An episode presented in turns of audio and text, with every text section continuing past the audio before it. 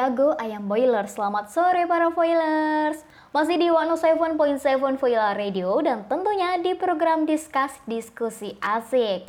Nah Voilers, kali ini Anggria bakal nemenin kamu tentunya dengan informasi yang menarik dan up to date sesuai dengan tren masa kini. So, stay tune terus di 107.7 Voila Radio.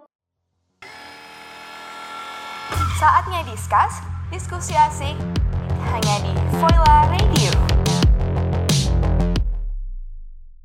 Nah Voilers, langsung aja nih kita ke segmen yang pertama. Kali ini di segmen Krisiologi bakal bahas informasi menarik yang bikin Voilers semua penasaran.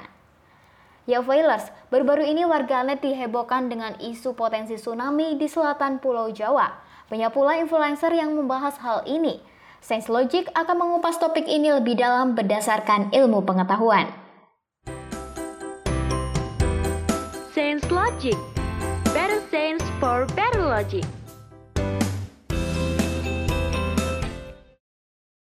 Ke pasar Senin beli itik. Ketemu sama Anin di Sense Logic. Hai, apa kabar Foilers? Kita ketemu lagi nih buat gali informasi seputar ilmu pengetahuan. Di mana lagi kalau bukan di Sense Logic, Better Sense for Better Logic Topik Sense Logic kali ini adalah isu tsunami Pulau Jawa yang lagi viral kemarin nih Foilers. Nah, Anin di sini nggak sendirian. Anin ditemenin Mas Inu Kencana, mahasiswa S2 Geografi UGM yang pastinya ahli banget buat diskusiin topik kita kali ini. Halo, apa kabar Mas Inu? Halo, hai, baik. Ya kita langsung aja ya ngobrol-ngobrol, diskusi soal isu tsunami yang lagi viral kemarin ini. Nah, kalau dari segi ilmu pengetahuan nih, sebenarnya tsunami ini bisa terjadi karena apa sih? Tsunami ini bisa terjadi karena banyak faktor. Cuma yang uh, umum terjadi di Indonesia itu karena gempa bumi bawah laut. Oh, jadi karena ada gempa bumi di bawah laut itu bisa memicu tsunami gitu ya. Nah, kalau aku baca di salah satu artikel nih, Katanya tsunami ini sudah diprediksi lama sekali. Bahkan ada yang bilang ratusan tahun yang lalu. Kalau menurut Mas Inu sendiri, kenapa baru viral sekarang? Bahkan sampai uh, dibikin konten sama para influencer gitu. Oke, kenapa karena bisa viral? Karena uh, mereka menyaksikan kedahsyatan dari bencana itu sendiri. Uh, mereka berpikiran bahwa oh ini harus dibuat konten secara tidak langsung juga tujuannya agar mensosialisasikan kepada masyarakat bahwa kita ini memang hidup berdampingan dengan bencana seperti itu. Jadi uh, biar kita lebih waspada gitulah ya. Nah, kemudian uh, apakah BPBD atau BMKG merespon bahwa ini akan benar-benar terjadi dalam waktu dekat? Uh, sebelumnya mereka juga sudah melakukan riset ya, bahkan tahun 2000 uh, eh, sebelum 2020 ini juga mereka sudah riset. Mereka juga tidak menyebutkan bahwa bencana tsunami ini akan terjadi dalam waktu dekat ini. Cuma mereka menghimbau kepada masyarakat untuk uh, selalu tetap waspada. Oke. Uh, nah, kalau misalkan itu benar terjadi nih, Mas. Sejauh ini dari kacamata Mas Inu, bagaimana persiapan Indonesia dalam mitigasi bencana tsunami? Apakah dengan tsunami 20 meter di selatan Pulau Jawa itu alat deteksi kita tuh sudah memadai begitu? Oke, kita berbicara ke teknologi ya. Di Indonesia ini bisa dikatakan sudah cukup sih, Nin. Kan ada tuh alat yang namanya seismometer ya. Nanti dari seismometer itu kita bisa lihat historical dari uh, kejadian tsunami tersebut. Misalnya yang disebabkan oleh gempa, apakah gempa itu tadi terjadi uh, di atas 7 skala Richter. Nah, syarat terjadinya tsunami itu adalah dia di atas 7 skala Richter dan kalau itu di bawah dia ya sepertinya tidak bisa terjadi. Oke, berarti kalau di bawah 7 skala Richter bisa jadi itu cuman hoax ya atau emang ya udah gempa biasa gitu ya. Nah, uh, ini menarik nih mas. Kalau kita berkaca dari historical tsunami yang dulu nih, misalkan tsunami Aceh. Kalau misalkan tsunami di Pulau Jawa ini benar-benar terjadi, apakah tsunami Pulau Jawa akan lebih besar menyaingi tsunami Aceh? uh, ini pertanyaan yang agak susah dijawab ya, Nin. Sebenarnya kalau toh memang ini akan benar terjadi, maka kejadiannya akan 11-12 dengan yang terjadi di Aceh. Kenapa? Karena faktor penyebabnya itu sama, yaitu karena sesar dari lempeng tektonik yang ada di uh, yang mengelilingi Indonesia. Oke, jadi kalau penyebabnya sama berarti kurang lebih seperti itu ya. Wow. Nah, terakhir nih, uh, pesan Mas Inu deh untuk foiler semua nih. Misal tsunami ini benar-benar terjadi, apa aja sih yang perlu kita siapkan? Yang harus kita siapkan itu simple saja nih, yaitu mental. Kita memang harus sadar bahwa bencana itu tidak bisa dihindari. Dan kalau itu terjadi ya sudah terjadi. Yang uh, entah itu persiapan-persiapan yang lain seperti kapabilitas stakeholder dengan masyarakat itu memang harus saling kerjasama. Ya seperti itulah Nin Iya, makasih banyak ya Mas Ino udah sharing-sharing sama foilers juga tentang tsunami yang kemarin viral ini. Nah foilers, itu tadi pembahasan Anin dan Mas Inu soal isu tsunami Pulau Jawa. Pastikan foilers terus dengerin Sense Logic karena kita bakal bahas topik yang lebih seru lagi di next episode. Anin pamit, see you on the next Sense Logic. Bye!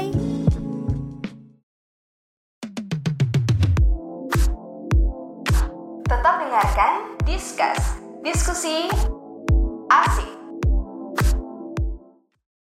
Buat foilers yang masih bisa work from home, kuliah daring dan rebahan santuy di rumah, kalian beruntung banget guys. Karena di luar sana masih ada profesi yang mengharuskan untuk tetap bekerja di luar rumah di masa pandemi seperti ini. Salah satunya yaitu wartawan. Mau tahu gimana wartawan bekerja di tengah pandemi? Berikut akan dibahas bareng Laili di Behind the Profession.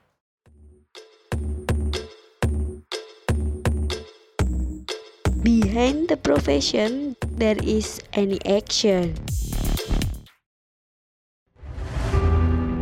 Pemerintah menetapkan status kedaruratan kesehatan masyarakat. Isolasi tetapi tetangganya membantu. Pandemi corona ini telah membawa kesulitan bagi banyak orang. Terima kasih kepada semua dokter, semua perawat, seluruh tenaga medis. Agar semuanya memakai masker. Saatnya kita kerja dari rumah, belajar dari rumah, ibadah di rumah. Kita bersama untuk mencegah penyebaran wabah COVID-19. Halo Failers, balik lagi bareng aku Laili di Behind the Profession. Nah, buat filers yang sekarang ini masih work from home dan belajar dari rumah, kalian harus bersyukur banget nih filers karena di luar sana masih banyak pahlawan-pahlawan di tengah pandemik seperti ini. Contohnya dokter, perawat, dan wartawan. Nah, episode kali ini kita bahas tentang profesi wartawan. Jadi virus penyebaran virus ini terbilang cepat hingga berdampak ke ratusan negara yang ada di dunia, termasuk negara Indonesia. Pandemi COVID-19 memberikan dampak yang luas ke berbagai sektor dan profesi termasuk industri media. Tantangan kerja yang dihadapi jurnalis di tengah pandemi COVID-19 ini berlapis-lapis. Kalangan yang rentan untuk tertular COVID-19 adalah para jurnalis walaupun beberapa lembaga media telah mengeluarkan kebijakan tentang WFH, namun masih ada juga beberapa lembaga media yang masih memperbolehkan para jurnalis untuk meliput ke lapangan seperti rumah sakit, puskesmas penanganan COVID-19 atau yang lainnya. Seperti salah satu jurnalis Kompas TV Cindy Permadi, ia tetap bekerja di tengah pandemik dengan melakukan liputan di berbagai lokasi rawan COVID-19. Di kantorku itu uh, sekarang formasinya dirubah kan biasanya kita kalau kerja lima hari terus libur dua hari. Nah sekarang udah pernah beberapa kali perubahan sih sempet uh, kerja jadi tiga hari kerja terus dua hari libur. Ada yang empat hari kerja tiga hari libur. Nah kalau sekarang lagi lima hari kerja lima hari libur. Tujuannya itu jadi kayak kita dibikin dibagi dua tim tim A dan juga tim B. Tim A kerja lima hari kemudian libur lima hari. Nah pas tim A libur tim B lain kerja. Tujuannya untuk membatasi interaksi antar tim. Jadi kalau misalnya ada yang um, kenapa-napa gitu ya positif atau gimana untuk tracing dari kantor pun akan lebih memudahkan.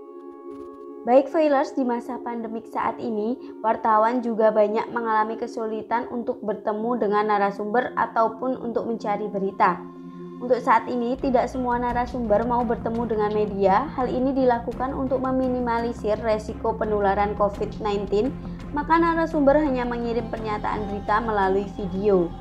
Beberapa narasumber kadang-kadang nggak mau ditemuin ya mereka juga kan pasti menjaga diri mereka juga punya keluarga mereka khawatir karena ya ketemu banyak orang yang gak ada yang tahu.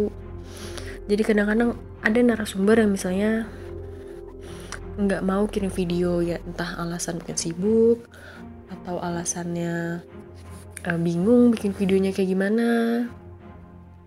Terus atau ada juga yang pengennya kayak udah telepon aja atau yaudah zoom aja. Sementara kan untuk di TV apalagi kalau untuk kita yang di lapangan kita pakai HP nge-record zoom dari HP tidak semudah itu suara suka nggak ada. Jadi kadang-kadang agak susah juga. Tuh kalau misalnya kita ke tempat-tempat tertentu kita liputan-liputan ke tempat tertentu ya harus ada pertimbangan aman nggak untuk sana. Kayak gitu. Oh yang harus diingat juga adalah bahwa tidak ada berita yang seharga dengan nyawa. Jadi setiap kita liputan harus ada pertimbangan Nah, Failer, seperti itu kerja jurnalis di masa pandemik saat ini. Mereka harus tetap bekerja di tengah pandemik saat ini. Kita doakan semoga para jurnalis di luar sana tetap sehat agar tetap mengabarkan berita untuk kita ya Failers. Oke Failers, sampai sini dulu ya pembahasan kita tentang Behind the Profession episode jurnalis tetap bekerja di tengah pandemik COVID-19. See you di Behind the Profession episode selanjutnya.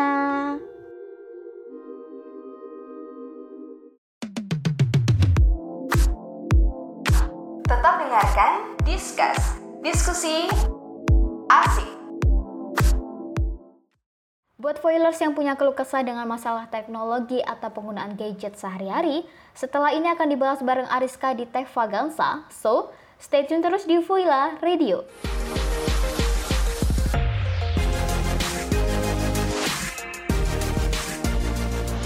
Tech Vaganza. Yuhu, Foilers! Balik lagi sama Ariska di Tech Vaganza. Di episode kali ini Ariska bakal ngebahas penggunaan gadget dalam kehidupan dan kebutuhan sehari-hari. Nah, siapa nih dari Foilers yang punya keluh kesah sama gadget yang dimiliki? Padahal udah nyiapin budget lebih, eh pas dipakai nggak sesuai sama kebutuhan. Padahal saat pandemi gini, kebutuhan kita untuk pakai gadget tiap hari nggak berhenti kan? Apalagi cuman ada kendala di gadget pasti ngejalanin kehidupan daring kayak kuliah online, rapat, sampai komunikasi sama keluarga jadi ribet sendiri. Ini nih, ada keluh kesah dari Sri Kasyami, yaitu ibu rumah tangga, dosen, sekaligus pegawai di pemerintahan alias ASN.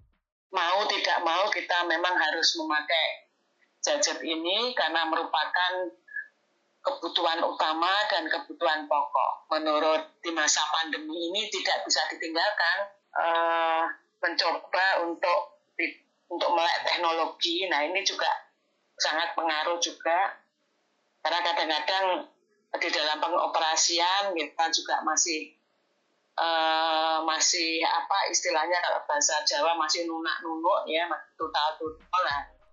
Itu tadi Foilers keresahan ya atau keluh kesah dari Bu Sri. Beliau mengatakan kalau mau nggak mau kita harus melek teknologi. Hmm, bener banget sih. Jadi saat pandemi gini, alangkah lebih baik kita memilih gadget sesuai kemampuan dan kebutuhan masing-masing. Langsung aja filers, Ariska bakal rekomendasiin smartphone buat filers ibu rumah tangga atau kayak Bu Sri ini misalkan cuman buat ngedampingin anaknya sekolah online atau cuman sekedar komunikasi sama keluarga, bisa banget menggunakan smartphone di harga long range alias 1 2 jutaan. Ini bisa dibilang cukup karena dengan spesifikasi chipset rata-rata Snapdragon 450, 460, atau Helio G35, G80 dengan RAM 3 GB dan memori internal 32 GB udah cukup untuk kegiatan bergadget ria sehari-hari. Eits, tapi beda lagi kalau foilers adalah seorang pegawai, tenaga pengajar, atau seseorang yang bekerja di industri kreatif. Spesifikasi smartphone yang Ariska rekomendasiin adalah di mid-range atau harga 2-4 jutaan. Ngomongin mid-range, baru aja nih ada smartphone keluaran terbaru dengan spesifikasi chipset Snapdragon 732G dibarengi 6GB RAM dan 128GB storage internal yang disebut-sebut sebagai mid-range killer alias belum ada smartphone di mid-range dengan spesifikasi segahar ini. Bahkan reviewer yaitu David dari channel YouTube Gadgetin juga merekomendasikan smartphone ini. Kesimpulannya Poco X3 NFC. Kali ini dia datang sebagai mid-range killer, di mana X3 NFC ini berhasil ngebawa spek-spek HP yang biasanya ada di HP 4-5 jutaan, tapi harganya bisa dipatok 3 juta aja. Buat kelas mid, selisih 1-2 juta itu udah gede banget. Saya nggak kepikiran lagi sih soal siapa yang nggak cocok sama nih. Nah, itu salah satu smartphone yang bisa dibilang worth it atau sepadan dengan harga yang diberikan. Kenapa kok Ariska menyarankan di mid-range? Karena untuk kegiatan multitasking saat daring seperti WhatsApp, Google Classroom, Google Classmeet, Zoom, Microsoft Teams, Skype, dan lain-lainnya membutuhkan yang pasti storage berlebih untuk menyimpan data aplikasi dan juga tugas-tugas atau laporan serta chipset yang tinggi mendukung agar performa suatu aplikasi lancar, tidak ada yang namanya stop working di tengah jalan. Terakhir nih, Bu Sri ada sebuah pernyataan menarik untuk didengerin. Intinya di masa yang seperti ini, di masa pandemi juga di zaman yang teknologi, intinya kita bisa memanfaatkan uh, teknologi yang ada. Jadi tidak perlu mewah-mewah. Saya kira itu. Bener banget apa yang dikatakan Bu Sri tadi. Jadi sebaiknya kita bener-bener pilih gadget atau sebenarnya nggak cuma gadget aja sih. Yang penting harus sesuai kebutuhan dan juga kepentingan sehari-hari. Sekian dulu dari Ariska, semoga foiler semua dapat pencerahan ya untuk memiliki dan memilih gadget sesuai budgetnya dan juga kebutuhan dan kepentingan masing-masing. Sampai jumpa minggu depan di Tech Vaganza yang pasti hanya di Voila Radio.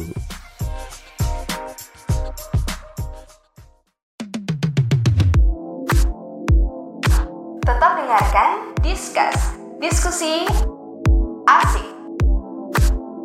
Foilers, kalau kalian belajar daring biasanya pakai aplikasi apa nih?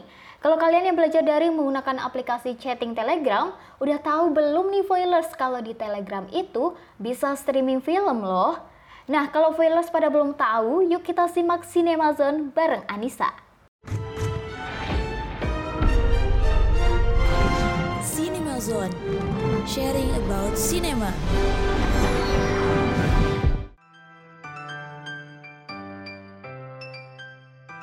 Halo Foilers, balik lagi sama aku Anissa. Aku mau nanya nih, kamu tahu nggak sih aplikasi chat Telegram? Pastinya tahu dong. Soalnya aplikasi ini tuh lagi banyak digunakan, terutama bagi pelajar dan guru yang melakukan pembelajaran secara daring. Tapi ternyata aplikasi yang dirilis pada Agustus 2013 ini bisa digunakan untuk streaming dan download film loh. Kira-kira penggunanya pada tahu nggak ya? Ya udah yuk kita dengerin aja jawaban Fahya yang menggunakan aplikasi Telegram.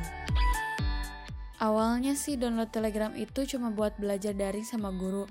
Tapi pas kapan ya lihat di media sosial ada yang share video kalau Telegram itu bisa buat nonton film. Akhirnya dicoba dan ternyata berhasil kalau di Telegram itu bisa buat nonton film gratis. Wah, ternyata udah tahu juga ya. Namun perlu diketahui, aplikasi ini tuh sempat diblokir oleh pemerintah Indonesia melalui Kemkominfo pada 14 Juli 2017. Eits, tapi tapi tapi, foilers gak usah khawatir karena sekarang aplikasi ini udah bisa digunakan kembali. Apalagi buat foilers yang suka streaming dan download film di Indo XX1, sekarang nggak perlu lagi tuh cari-cari link film yang super ribet dan banyak iklan karena Indo XX1 kan udah diblokir. Soalnya di Telegram ini, foilers bisa streaming dan download film dengan mudah dan tanpa iklan juga pastinya.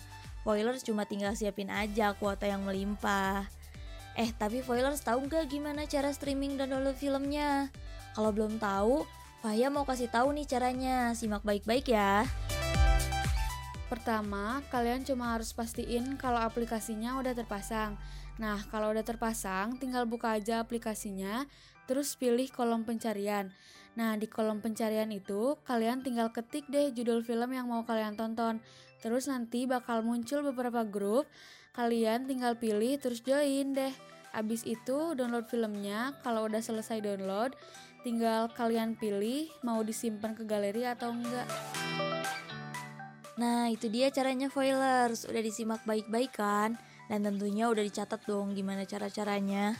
Tapi nih, buat foilers yang belum download Telegram dan berencana mau download karena mau nonton film gratis, kamu juga harus tahu kalau Telegram itu punya dua versi, yaitu Telegram dan Telegram X. Sebenarnya kalau dari fitur-fiturnya sih masih sama aja, cuman ada beberapa perbedaan di tampilan. Kalau soal nyaman sih, itu tergantung foilers aja nyamannya sama yang mana. Ya udah deh, pokoknya itu dia cara streaming dan download film di Telegram. Selamat mencoba Foilers. Jangan lupa buat dengerin terus Cinema Zone di Foila Radio. Anissa pamit, sampai jumpa minggu depan. Bye bye.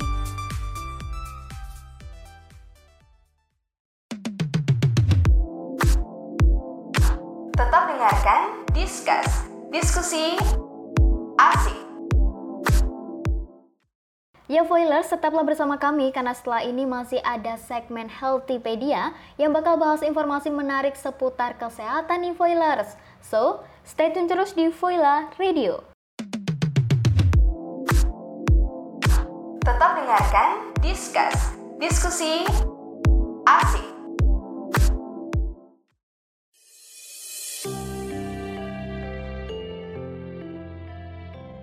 Kenalkan, nama aku Vika. Aku cinta Indonesia. Majua-jua, gelarku Anggria, aku ngina ati Indonesia. Tepangken wastapun Anissa, abdi asih ke Indonesia.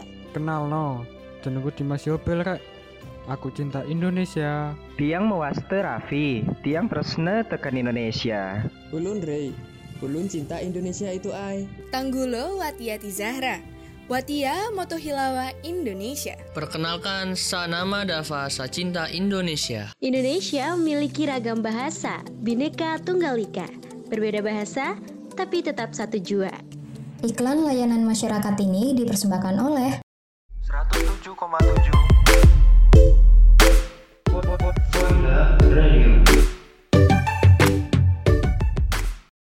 Hai Foilers, masih bersama kami di Discuss Diskusi Asik. Dan Foilers, kita beralih ke segmen yang kedua, yaitu segmen Healthypedia. Saatnya Discuss, diskusi asik hanya di Foila Radio. Foilers, mie instan menjadi makanan favorit semua orang, terutama bagi anak kosan mie instan sering dikatakan sebagai sumber hidupnya.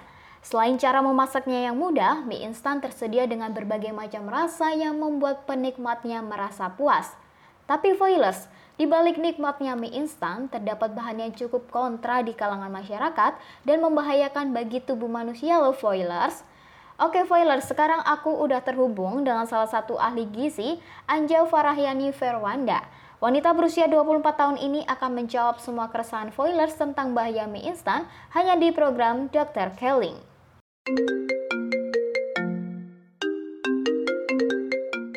Dr. Kelling. Halo, selamat sore Kak Anja. Ya Kak, berbicara soal bahaya mie instan nih Kak, sebenarnya bahan apa saja yang terkandung dalam mie instan ini? Untuk mie instan, dia merupakan makanan instan yang tinggi karbohidrat dan tinggi lemak atau minyak ya. Dan minyak di mie instan ini sudah mencapai 30%. Sedangkan mie instan sendiri itu rendah protein, rendah vitamin, rendah mineral, dan rendah serat. Ditambah lagi karena memang judulnya instan, jadi pasti ada bahan pengawet yang terkandung di situ. Nah, Kak Anja tadi kan udah ngejelasin kandungan yang terkandung dalam mie instan. Lalu karena kandungan tersebut, apa saja sih bahaya mie instan ini? Yang merupakan zat kimia berbahaya, ditambah lagi dengan MSG, ini jika dikonsumsi secara berlebihan, ini dapat merusak sel-sel jaringan otak. Ditambah lagi, tingginya lemak yang terkandung dalam mie instan juga dapat menyebabkan hipertrigliserida atau bahasa gampangannya ya penumpukan lemak di dalam tubuh. Nah, apabila terjadi penumpukan lemak dan kerusakan sel-sel jaringan otak, otomatis kita akan lebih mudah untuk terkena stroke dan juga penyakit jantung lainnya. Apalagi ditambah jika tidak diimbangi dengan aktivitas fisik yang tinggi, maka resiko untuk terkena stroke, serangan jantung, atau penyakit metabolik seperti diabetes, hipertensi, asam urat. Nah kak, kebanyakan orang kan kalau makan mie itu harus pakai nasi dan mereka pasti bilangnya kalau nggak pakai nasi nggak bakal kenyang gitu kak. Nah, tapi sebenarnya benar nggak sih kak cara makan yang seperti itu? Kembali lagi di komposisi mie instan, yakni sebagian besar itu karbohidrat. Karena memang bahan bahan utamanya tepung dan nasi juga merupakan sumber karbohidrat. Jadi karbohidrat ditambah dengan karbohidrat. Jadi akan ada penumpukan karbohidrat di situ. Nanti pengaruhnya apa? Pengaruhnya ketika terjadi penumpukan karbohidrat, maka tubuh akan semakin cepat mengantuk. Dan ketika kita tidur setelah makan, otomatis makanan yang masuk ke dalam tubuh ini tidak akan dicerna, melainkan proses pencernaan ini berhenti ketika kita tidur dan langsung ditumpuk menjadi lemak. Nah, pentumpukan lemak ini yang akan bahaya nanti akan membawa ke penyakit jantung. Oke kak, pertanyaan selanjutnya, makan mie instan mentah dicampur sama bumbunya, apakah itu baik buat kesehatan kak? Suka dikremus atau tidak direbus. Padahal memang sebenarnya di dalam mie instan sendiri, kenapa dia direbus? Karena memang untuk melunturkan beberapa zat pengawetnya di situ. Jadi otomatis ketika kita makan secara mentah itu pasti akan bahaya di dalam tubuh. Kenapa? Karena memang zat-zat yang harus dilunturkan ketika direbus itu tidak dilunturkan dan itu sangat bahaya sekali di dalam tubuh. Apalagi ketika kita makan sesuatu yang mentah, apalagi ini mie ya, termasuk bahan yang keras, tubuh yang harusnya pencer pencernaannya ini berjalan misalnya ya dua jam untuk pencernaan, maka ini akan lebih dari itu karena memang prosesnya ini makanannya yang masuk ke dalam tubuh ini lebih keras. Jadi akan lebih lama. Ketika lebih lama yang ditakutkan, tubuh ini akan over over bekerja ya.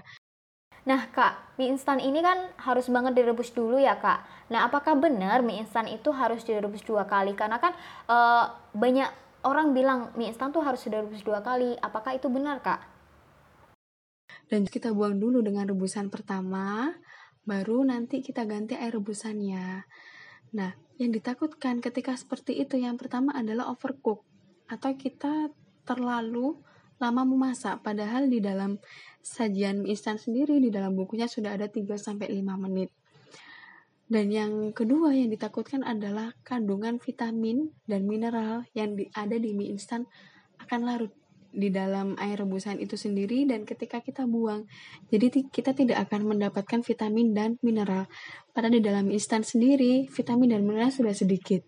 Ketika direbus dan tercampur dalam air rebusan dan kita buang, maka kita sama sekali tidak dapat kandungan vitamin dan mineralnya. Gitu. Jadi memang seharusnya tidak perlu dibuang. Tapi memang tetap disarankan ketika Anda mengkonsumsi mie instan harus ada tambahan protein, entah dari telur, dari ayam, dari daging, dan lain sebagainya, dan harus ada tambahan sayur sebagai sumber vitamin dan mineral. Oke kak, sebelum kita akhiri perbincangan kita, mungkin Kak Anja bisa kasih pesan tentang kesehatan nih ke foilers. Makan mie instan boleh, asalkan ditambahi dengan sumber protein seperti telur, ayam, dan daging. Jangan lupa juga ditambahin sayuran. Semakin banyak sayuran, semakin baik. Karena di masa pandemi saat ini, kita sangat butuh vitamin dan mineral yang didapat dari sayur dan buah. Ingat juga, batasin konsumsi mie maksimal satu kali satu bulan. Masih banyak kok makanan instan yang enak dan sehat.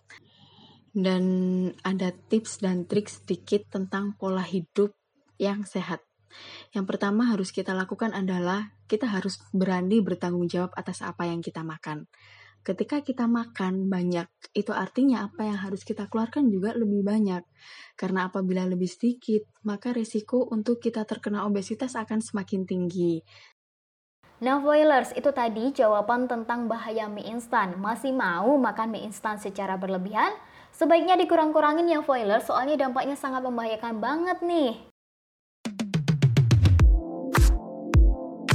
Tetap dengarkan Discuss, diskusi Oke Voilers, di rubrik selanjutnya akan membahas seputar olahraga bersepeda. Pandemi ini memaksa setiap orang untuk menjaga imunitas tubuh dan olahraga bersepeda menjadi alternatifnya. Lalu, apa saja keuntungan yang didapat dan bagaimana bersepeda yang aman di saat pandemi? Kita simak dalam rubrik One Sport.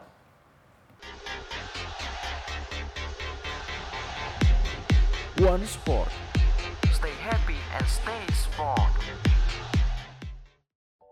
Halo Foilers, berjumpa lagi bersama saya Kurnia Huda dalam rubrik One Sport. Foilers sudah tahu belum kenapa olahraga itu penting? Apalagi saat ini kan sedang terjadi wabah penyakit virus COVID-19, terutama yang tengah melanda Indonesia. Ya, olahraga itu penting karena dengan berolahraga akan meningkatkan sistem imunitas tubuh dan juga membentengi diri kita dari penyakit maupun virus. Nah, Foilers membahas mengenai olahraga bersepeda.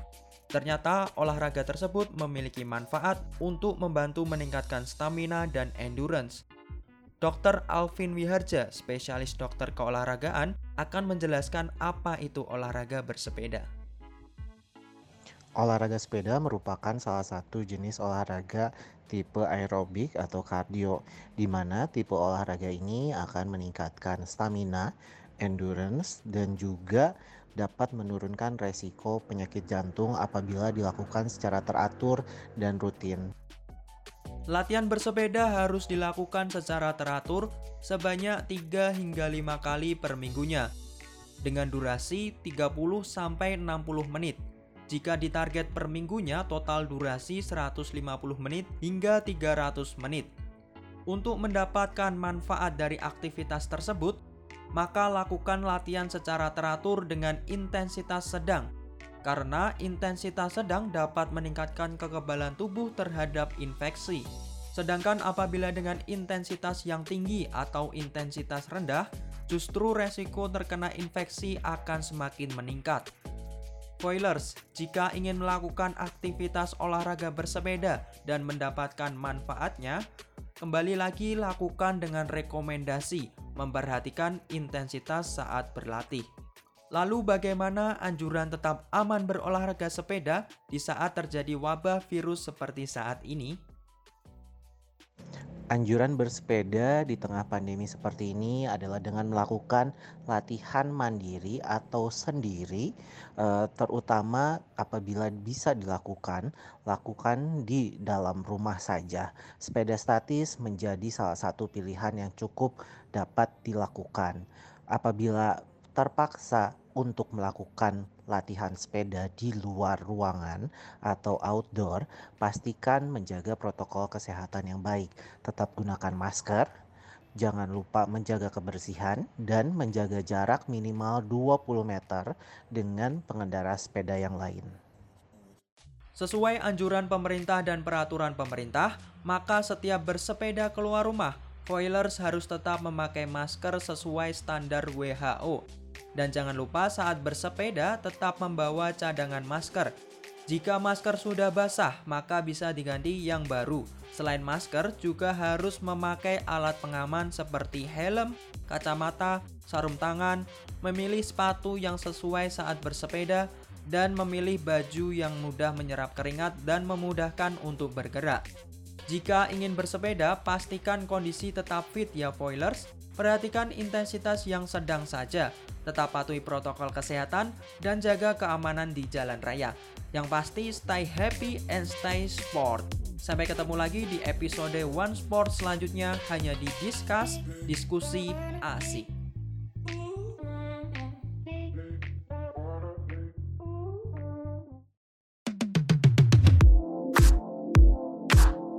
Tetap dengarkan Discuss, diskusi asik.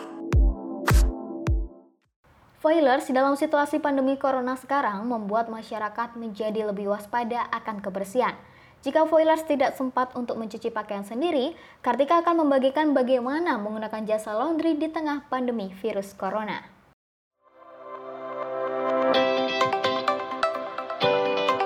Everyday Health Expert in Health Advice Foilers, tahukah kamu bahwa menurut seorang ketua dekan School of Health Science and Practice di New York Medical College, Robert Amler mengatakan, virus corona bisa menempel pada material seperti kulit, vinil, polyester, bahkan katun yang masa ketahanannya berbeda-beda. Hal ini pun menimbulkan kekhawatiran di masyarakat.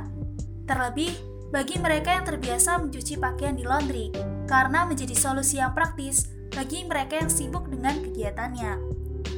Apalagi kan filers kini sudah banyak tempat laundry yang menawarkan jasanya dengan harga yang ramah di kantong. Lantas, apakah hal ini berarti jasa laundry masih bisa aman untuk digunakan?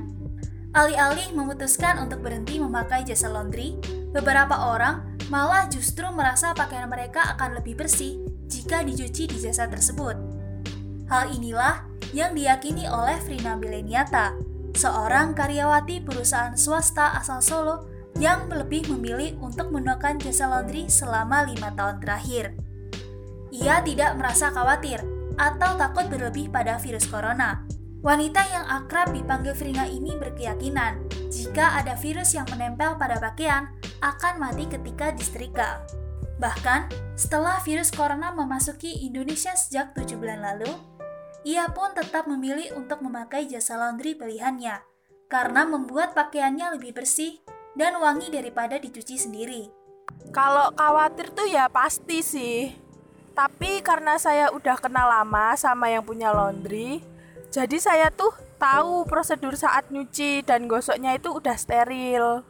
Apalagi karyawannya selalu pakai masker. Terus pas nerima laundry juga pakai itu loh sarung tangan. Dan yang paling penting ya, kenapa saya langganan di sana? Karena cucian saya tidak dicampur sama orang lain. Berbeda dengan Frina Fellows, Anggi justru kini tidak lagi memakai jasa laundry dan mencuci pakaiannya sendiri sejak adanya virus corona. Ia berusaha untuk tidak menimbun pakaian kotornya berhari-hari dengan langsung mencuci pakaian kotor yang sebelumnya ia pakai. Baginya, hal ini bisa membantu mencegah penularan virus corona. Ya karena seharian itu kan aktivitas di luar ya, ketemu banyak orang, kena banyak debu dan bakteri pastinya.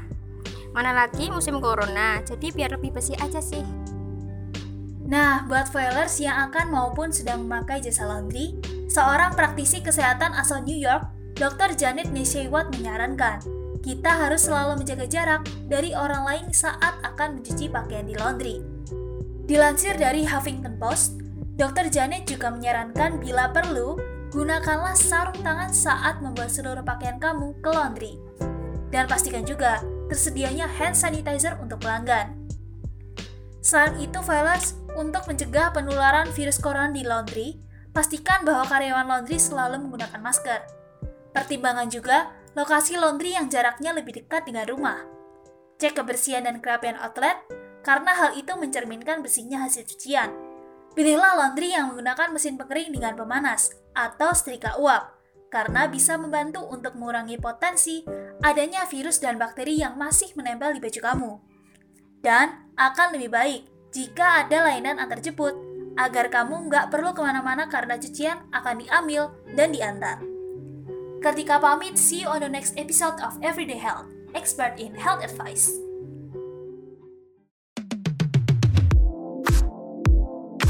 Tetap dengarkan Discuss, diskusi asik.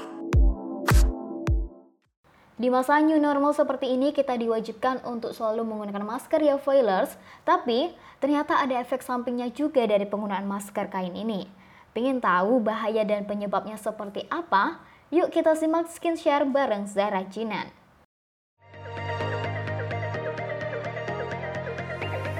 Skin share, healthy skin, happy life.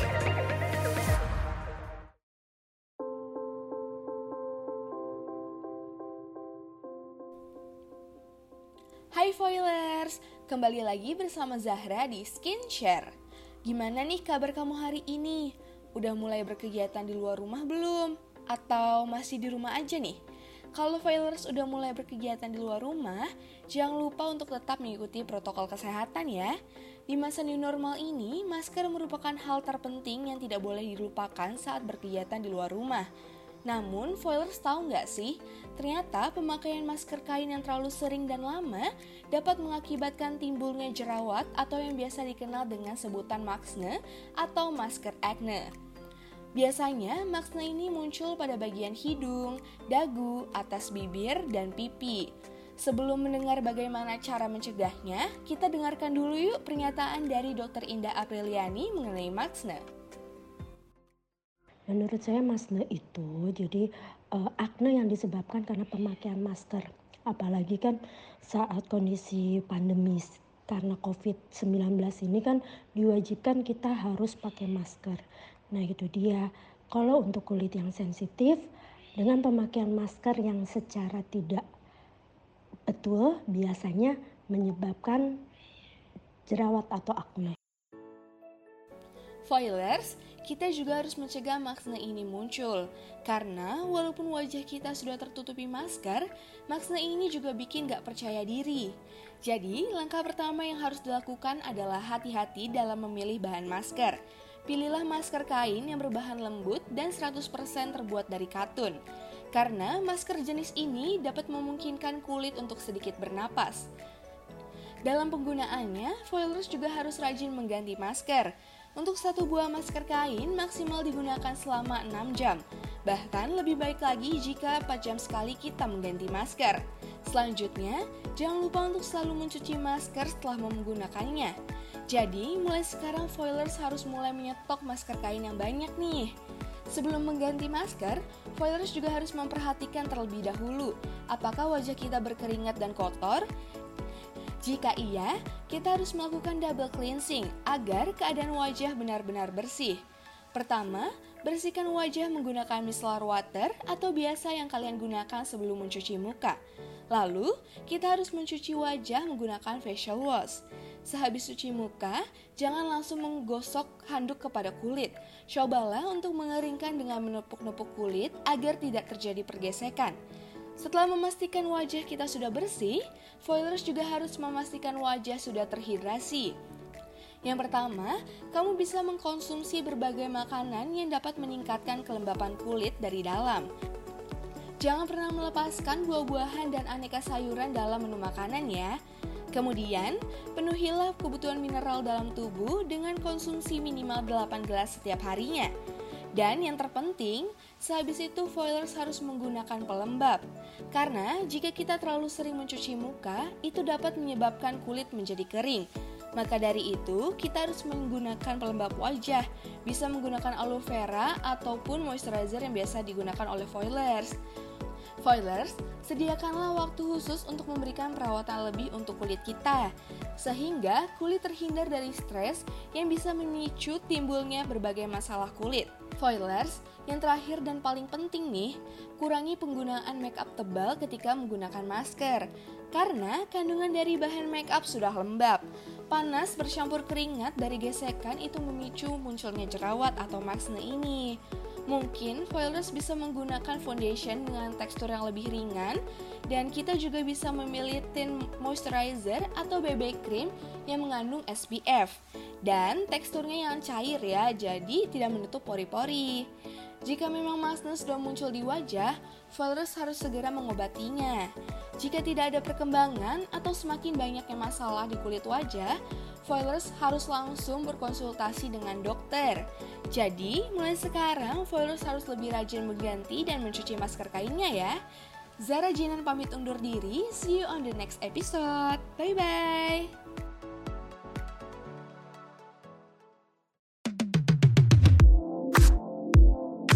Tetap dengarkan Discuss, diskusi asik. Ya Foilers, nggak kerasa ya udah lama Anggrek nemenin kamu di program Discuss Diskusi Asik. Eits, tapi tadi di awal Anggrek udah buka pakai pantun dan nggak afdol banget nih Foilers kalau nggak ditutup pakai pantun juga.